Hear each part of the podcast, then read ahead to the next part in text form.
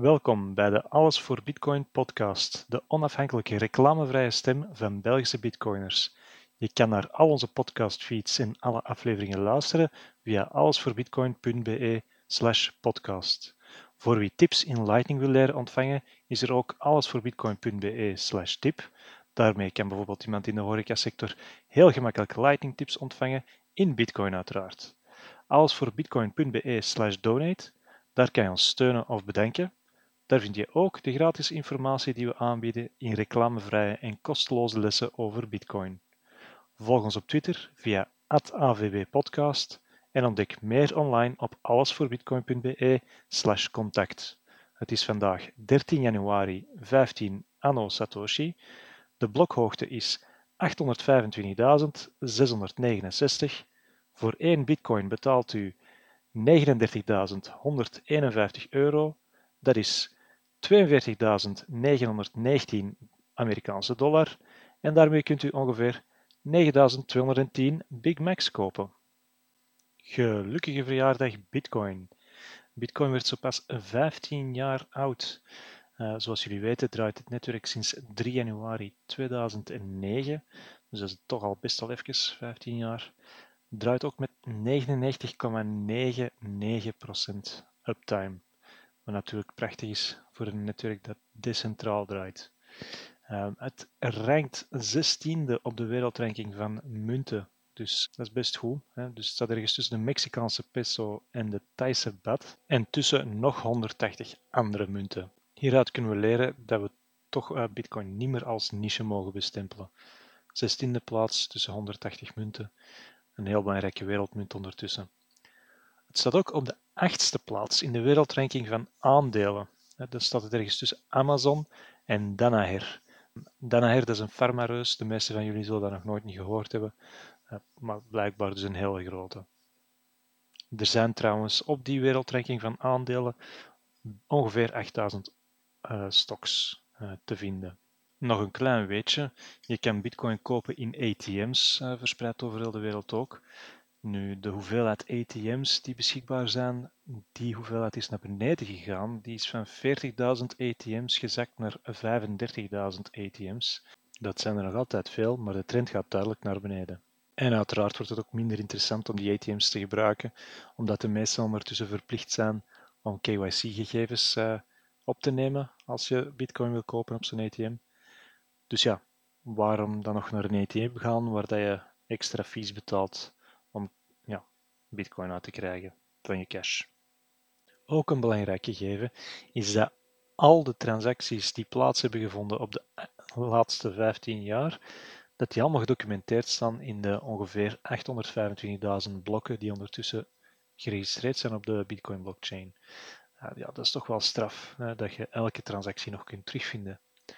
Ook beginnen landen stilletjes aan dat als munten aanvaarden, dus na 15 jaar merken we daar toch ook wel een verschil in. En de market cap is weer richting 1 biljoen aan het groeien. Dat is een 1 met 12 nullen, oftewel ongeveer 0,1% van alle waarde die er op uh, planeet Aarde momenteel beschikbaar is. Ik kijk nu al uit naar wat ik jullie kan komen vertellen wanneer Bitcoin 20 jaar, 25 jaar of 30 jaar wordt. Uh, dat zullen heel andere cijfers zijn, denk ik dan. Net de dag voor Bitcoin 15 jaar oud werd, heeft een hele bekende Bitcoiner, Michael Saylor, ook iets interessants gedaan. Dus op 2 januari verkoopt Michael Saylor ongeveer 5000 MicroStrategy aandelen. Hij gaat er 5000 per dag verkopen, voor vier maanden aan een stuk. En die gaat hij dan DCA'en uh, voor een totaal van 400.000 MicroStrategy aandelen in Bitcoin. En dat gaat hij doen dus vier maanden, dus tot 26 april. Uh, DCA, dat is een dollar cost average. In dit geval een stock cost average, of ik weet niet hoe ik het moet uitdrukken. Maar hij gaat dus eigenlijk elke dag voor vier maanden aan een stuk Bitcoin kopen met het gebruik van zijn aandelen die, waar hij recht op had. Uh, een paar weetjes over de MicroStrategy aandelen. MicroStrategy heeft momenteel een market cap van ongeveer 8 miljard dollar. Uh, is te koop aan 580 dollar per aandeel. En er zijn ongeveer 14 miljoen, aandelen. Uh, Michael Saylor zelf, die heeft ongeveer 10% van al die aandelen. En hij verkoopt er nu dus ongeveer die 3% van de totale hoeveelheid aandelen die beschikbaar zijn. Um, dat heeft een waarde van ongeveer 230 miljoen dollar.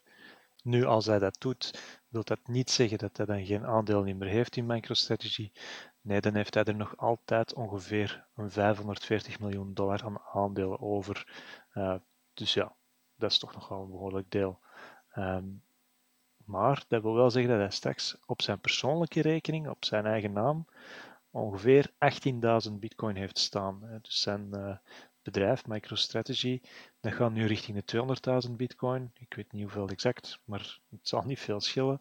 Uh, maar hij persoonlijk heeft er dus ook 18.000. Het is natuurlijk moeilijk om te zeggen omdat Bitcoin pseudoniem is uh, en dat we niet weten wie welke wallet heeft. Uh, maar ik vermoed dat Michael Saylor daarmee als privépersoon ergens in de top 10 gaat komen te staan van rijkste bitcoiners of personen met de meeste bitcoin op hun naam. Uh, momenteel zijn dat misschien nog niet de rijkste mensen ter wereld, maar ik vermoed dat er een dag komt waarbij dat, wel degelijk de rijkste mensen ter wereld gaan zijn. Ik weet trouwens niet wie er voor zichzelf de berekening al eens gemaakt heeft, maar de rijkste bitcoiner, of de persoon met de meeste bitcoins, uh, is Satoshi Nakamoto. En daar schatten ze van dat hij 1,1 miljoen bitcoin heeft. Uh, die zou ongeveer nu een waarde moeten hebben van 46 miljard, ja, miljard dollar. Um, dat plaatst hem toch al aardig dicht in de buurt van de rijkste mensen ter wereld. Uh, als je gaat kijken, Elon Musk die heeft nu 251 miljard, dus 46 miljard tegenover 251 miljard. Die zit toch al op een vijfde van de netto-waarde van Elon Musk. Dus zoveel meer hoeft Bitcoin niet te stijgen om Satoshi Nakamoto de rijkste mens ter wereld te maken. Het is dus niet voor niks dat een Bitcoin stilaan op de radar begint te komen van landen en steden. Een van dergelijke steden is Prospera. Um, Prospera heeft namelijk op 5 januari Bitcoin als unit of account verklaard. Dat betekent dat de mensen van Prospera straks hun belastingen mogen gaan betalen in Bitcoin. Het was daar trouwens al legal tender. Uh, we hebben het nooit eerder vernoemd omdat Prospera maar een stad is natuurlijk. Um, ja, Honduras ligt ook redelijk dicht bij El Salvador, dus zij zullen daar ook wel een beetje afkijken. Nog iets over Prospera. Prospera is een speciale economische zone uh, op het eiland Roatan van Honduras. Um, dus ja, Honduras zelf is nog niet mee met het verhaal, dus zij hebben Bitcoin nog niet als legal tender verklaard. Uh, kunnen, kunnen ook belastingen niet betaald worden in Bitcoin dan uiteraard. Dus ja, Honduras staat daar nog even buiten, maar Prospera, de stad, uh, daar dus al wel.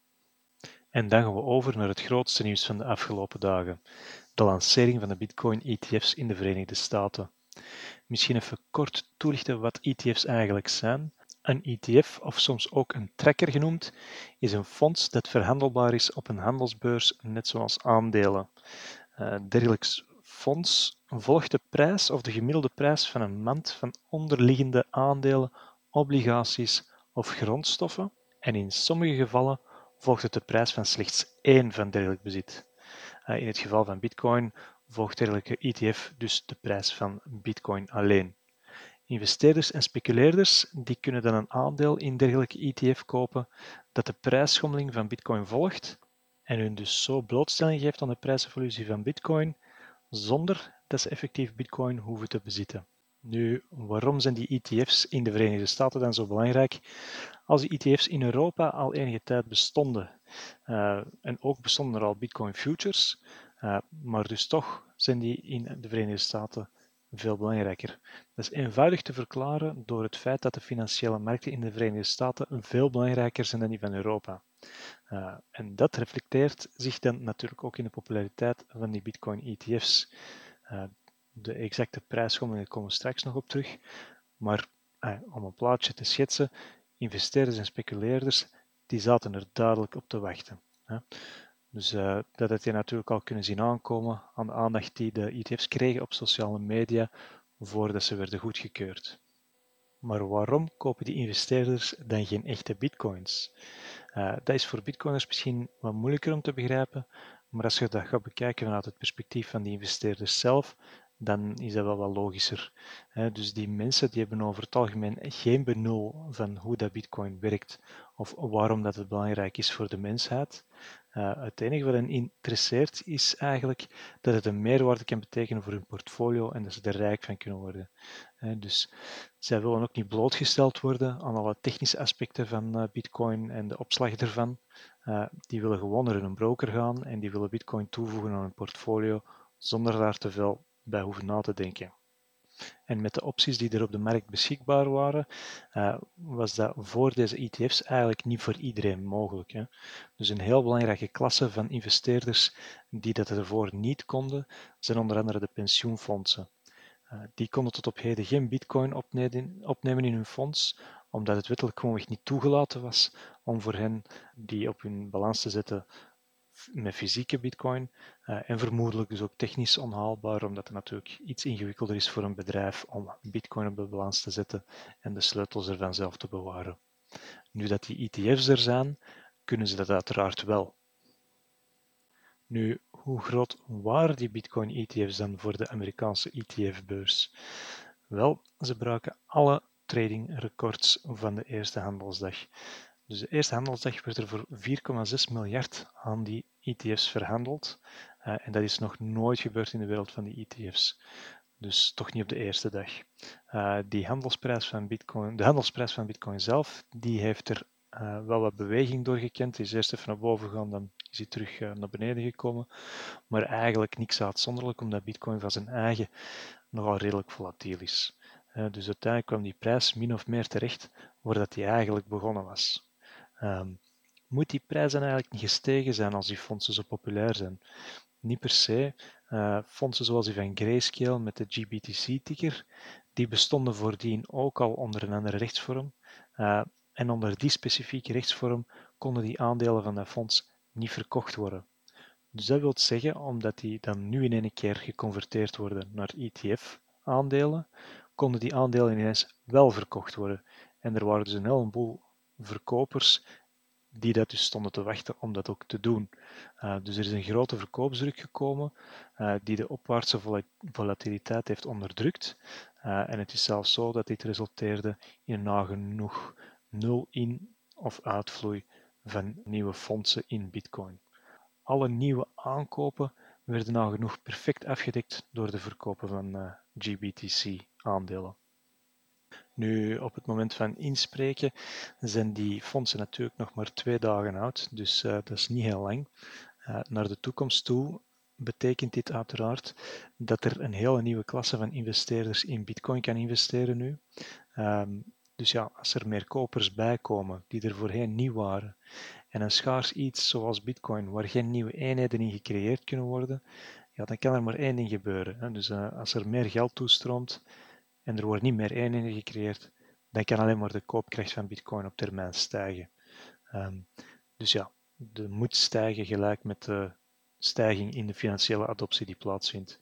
Want aan de aanbodkant uh, verandert er natuurlijk niks. Dus ja, die opwaartse beweging die gaat zeker nog komen. Uh, let wel op, dat betekent niet dat Bitcoin niet meer kan zakken in waarde. Uh, Bitcoin blijft volatiel en je moet voor jezelf uitzoeken of het in je filosofie of portfolio past.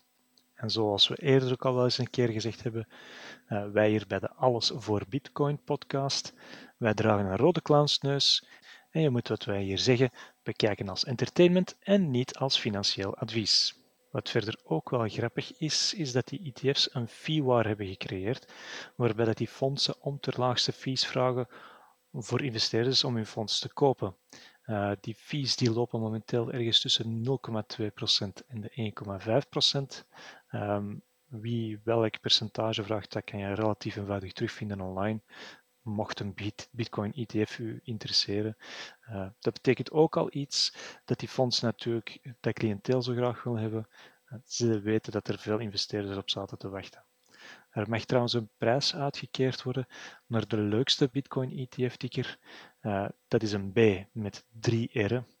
Uh, de Bitcoin Insiders die weten zeker wat dat voor ons betekent. Voor de mensen buiten ons Bitcoin-wereldje. Uh, dit is het geluid dat de geldprinter maakt. Brrr.